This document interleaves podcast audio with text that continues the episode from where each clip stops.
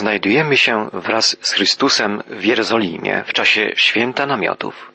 Nadchodzi ostatni dzień świąt, dzień szczególnie uroczysty, w którym kapłani wyleją w świątyni podwójną ilość wody na pamiątkę cudu napojenia ludu Bożego na pustyni wodą wytryskującą ze skały.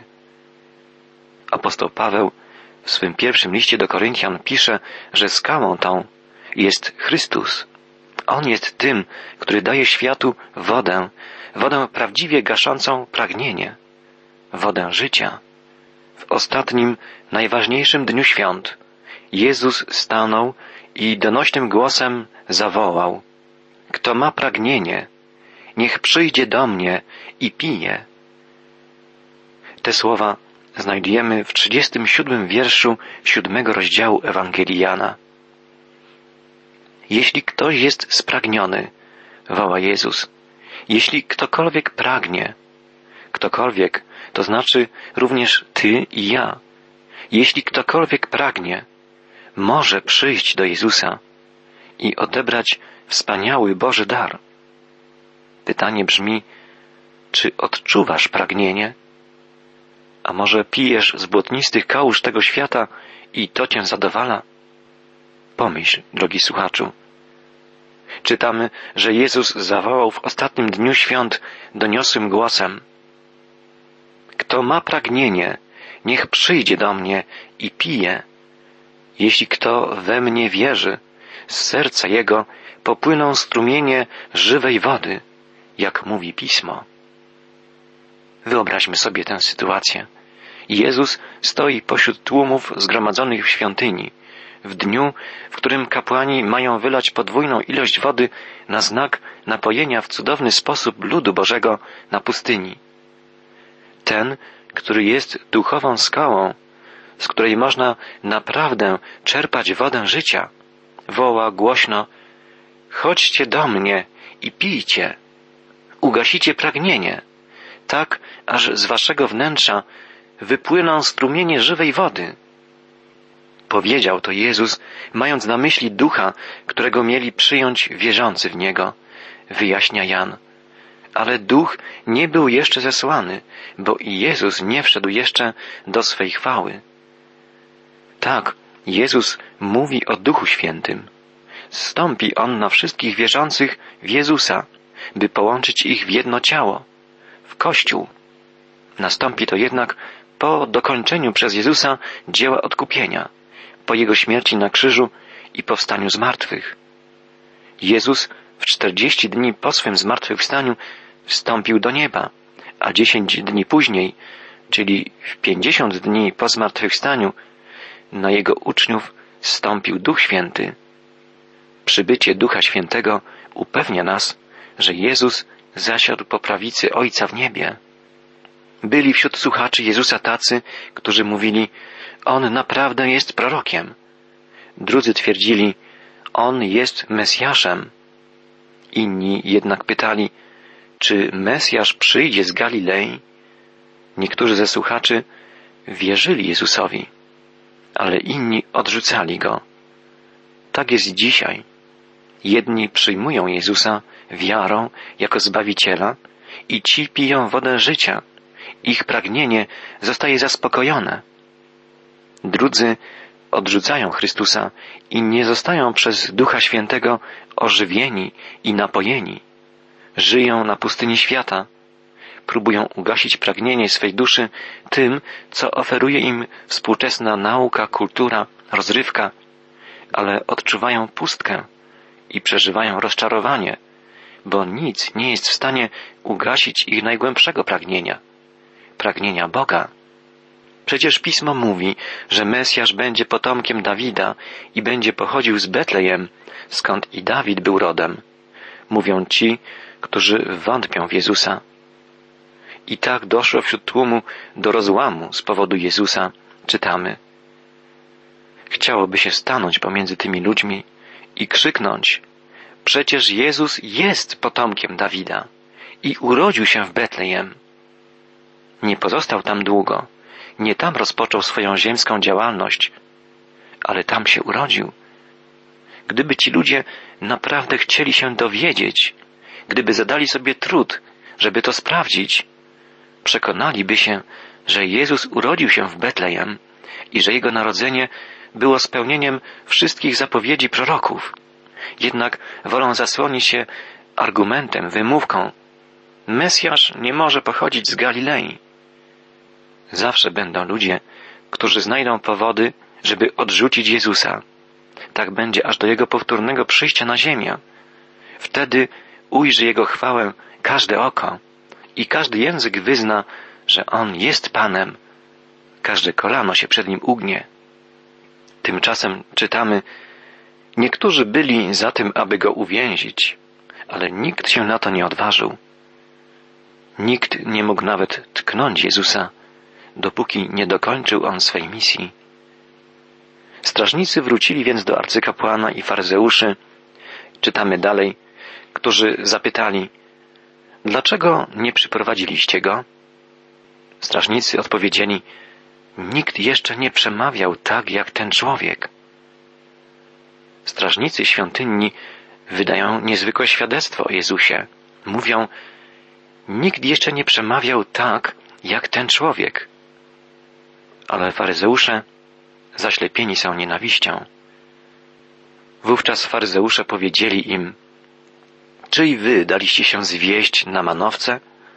Czy uwierzył może w niego ktoś z członków Najwyższej Rady Żydowskiej lub faryzeuszy? To pospólstwo, które nie zna prawa, niech będzie przeklęte. Jeden z ich grona, Nikodem, który znał od dawna Jezusa, powiedział, czy prawo nasze potępia człowieka, zanim się go nie przesłucha, by stwierdzić, czego się dopuścił? W odpowiedzi usłyszał, czy i ty jesteś z Galilei? Czytaj uważnie i przekonaj się, że żaden prorok nie przychodził z Galilei. Potem wszyscy rozeszli się do domu. Jedynie Nikodem, który rozmawiał z Jezusem, broni go. On szczerze poszukiwał prawdy i poznał ją. Był później pod krzyżem Jezusa. Potem zaopiekował się jego ciałem. Nie obawiał się już wtedy reakcji innych członków Rady. Jeśli nie owej nocy, gdy rozmawiał z Jezusem, i jeśli nie teraz, to na pewno wtedy, widząc umierającego za niego Pana, uwierzył, że jest on Zbawicielem. Faryzeusze drwią z Nikodema. Pytają go, czy i ty jesteś z Galilei? Dumni mieszkańcy stolicy pytają, czy i ty jesteś wieśniakiem? Żaden prorok nie powstaje z Galilei. Tu znów widzimy, jak powierzchownie interpretują oni pismo. W rzeczywistości bowiem Mesjasz nie miał pochodzić ani z Galilei, ani z Judei, ale z wysoka, z nieba. Albowiem dziecię narodziło się nam, syn jest nam dany, prorokował Izajasz. Syn Boży przybył od Ojca, stąpił z niebios, jest nam dany. Ludzie ci nie rozumieją tego i rozchodzą się, każdy do swego domu. I tak kończy się opowieść siódmego rozdziału Ewangelii Jana. Nikt nie zaprosił do swego domu Jezusa, mimo że była to świąteczna noc.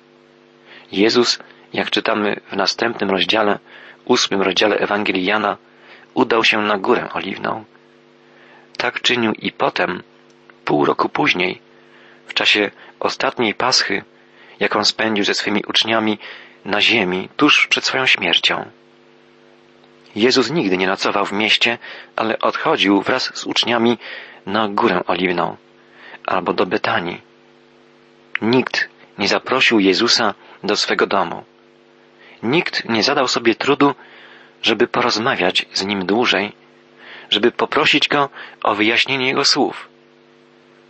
Ludzie po prostu rozeszli się do swoich domów. A jak jest z nami?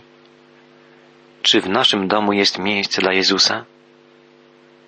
Czy przynajmniej w czasie świąt znajdujemy chwilę na to, żeby zastanowić się nad tym, co chce nam powiedzieć? Czy w ogóle słyszymy głos Jezusa? A powinniśmy wsłuchiwać się w Jego słowa codziennie. Jezus woła donośnym głosem Jeśli ktoś jest spragniony, a wierzy we mnie, niech przyjdzie do mnie i pije, a z jego wnętrza popłyną strumienie wody żywej. Dalej czytamy, że Jezus udał się na górę oliwną, ale o świcie wrócił do świątyni. Gdy wszyscy ludzie zgromadzili się wokół niego, usiadł i zaczął nauczać. Wtedy znawcy prawa i faryzeusze przyprowadzili kobietę przyłapaną na zdradzie małżeńskiej. Kazali jej stanąć pośrodku i powiedzieli Nauczycielu, tę kobietę przyłapano na gorącym uczynku cudzołóstwa. Czy może być coś bardziej okrutnego i bezdusznego niż to, co uczynili uczeni w piśmie i faryzeusze? Gdy Jezus wczesnym rankiem usiadł w świątyni i zaczął nauczać schodzący się tutaj lud, nagle na zewnątrz rozległ się tumult i po chwili przywódcy religijni wkroczyli do świątyni, prowadząc kobietę, którą przyłapano na cudzołóstwie. Możemy sobie wyobrazić, jakie wywołało to zamieszanie.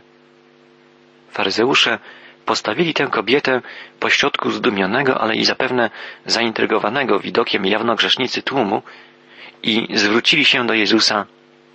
Nauczycielu, tę kobietę przyłapano na gorącym uczynku cudzołóstwa. Prawo Mojżesza nakazuje nam takie kamienować. A ty co na to? Zadali mu to pytanie podstępnie, aby mogli go oskarżyć. Ale Jezus pochylił się i zaczął pisać palcem po ziemi. Zamiar faryzeuszów i uczonych w piśmie jest oczywisty. Zdradza ich chociażby to, że nie przyprowadzili mężczyzny, który był tak samo winny jak ta kobieta i powinien ponieść, zgodnie z zapisem w trzeciej księdze Mojżeszowej, taką samą karę jak ona. Nie chodziło im o wyegzekwowanie prawa mojżeszowego. Nie. Oni chcieli postawić Jezusa w sytuacji bez wyjścia. Prawo mojżeszowe domagało się w takim przypadku kary śmierci przez ukamienowanie. Prawo rzymskie nie karało cudzołóstwa śmiercią. Jakkolwiek by nie postąpił Jezus, przywódcy religijni mieliby podstawy do oskarżenia go o złamanie prawa, bądź prawa mojżeszowego, bądź rzymskiego. Ta kobieta rzeczywiście popełniła grzech, który według prawa mojżeszowego miał być ukarany śmiercią. Uczeni w piśmie zastawiają więc pułapkę na Jezusa. Czy zaprzeczy on Mojżeszowi? Czy powie coś niezgodnego z prawem? A może sformułuje jakieś inne, błędne objaśnienie do zapisu z Księgi Kapłańskiej? Przywódcy religijni nie chcą tak naprawdę ukamienować tej kobiety, chcą znaleźć powód do oskarżenia Jezusa. Jego chcą ukamienować. Jezus wie o tym. On nie potrzebował świadectwa o człowieku. On wiedział, co jest w człowieku. Czytaliśmy w drugim rozdziale Ewangelii Jana. Jest to niezwykły moment. Przyłapana na cudzołóstwie kobieta stoi przed Jezusem. Otaczający ją tłum przypatruje się jej z zaciekawieniem, nie myśląc o jej upokorzeniu i wstydzie. Uczeni w piśmie tym bardziej nie są zainteresowani tym, co ona czuje. Oczekują na odpowiedź Jezusa. Patrzą na niego z nienawiścią. Jezus pochylił się i pisze palcem po ziemi. Jest to jedyny zapis w Ewangelii, gdzie widzimy, jak Jezus pisze. Nie wiemy jednak, co pisze. Możemy się jedynie domyślać, co Jezus wtedy mógł napisać na piaszczystej ziemi świątynnej. Być może kluczem do tej zagadki jest wypowiedź proroka Jeremiasza, którą znajdujemy w siedemnastym rozdziale jego proroczej księgi. Czytamy tam Panie, wszyscy, którzy Cię opuszczają, będą zawstydzeni, a ci, którzy od Ciebie odstępują, będą zapisani na piasku, gdyż opuścili Pana, źródło wód żywych. Kto opuścił Pana? Kobieta popełniająca cudzołóstwo? Tak. Przywódcy religijni? Tak, oni również. Oni także są grzesznikami. Ich imiona będą zapisane na piasku, prorokował Jeremiasz. Być może Jezus wypisywał ich imiona właśnie teraz i proroctwo Jeremiasza zaczęło się wypełniać. Być może Jezus wypisywał na piasku ich imiona, a obok grzechy, które popełnili. Wyobraźmy sobie reakcję ludzi, którzy zobaczyli swoje imię, a obok listę grzechów, które popełnili, a o których, jak sądzili, nikt nie wiedział. Być może starszy, szanowany faryzeusz zobaczył na piasku obok swego imienia imię kobiety, którą poznał przed laty w Rzymie. Kobiety, o której jego żona nic nie wiedziała. Być może młody, zdolny uczony w piśmie obok swego imienia zobaczył imię dziewczyny, którą porzucił, gdy okazało się, że jest w ciąży. Położyłeś winy nasze przed sobą, tajne grzechy nasze w świetle oblicza swego. Czytamy w psalmie dziewięćdziesiątym. Pamiętajmy, że wszystkie nasze tajne grzechy staną się jawnymi w niebie. Dla Boga już są one jawne. Jezus, pochylony, pisze palcem po ziemi. Gdy jednak natarczywie dalej go pytali, wyprostował się i powiedział, kto z was jest bez winy, niech pierwszy rzuci w nią kamieniem. Znowu pochylił się i pisał po ziemi. Gdy to usłyszeli, wymykali się jeden po drugim, poczynając od najważniejszych osobistości. Został tylko Jezus i ta kobieta na środku. Jezus wymienia warunek, który trzeba spełnić, żeby móc osądzać innych. Tym warunkiem jest bezgrzeszność. Nie wiem, jak ty, drogi przyjacielu, ale ja nie mógłbym wziąć do ręki kamienia. Nie odważył się tego zrobić nikt z obecnych tam ludzi.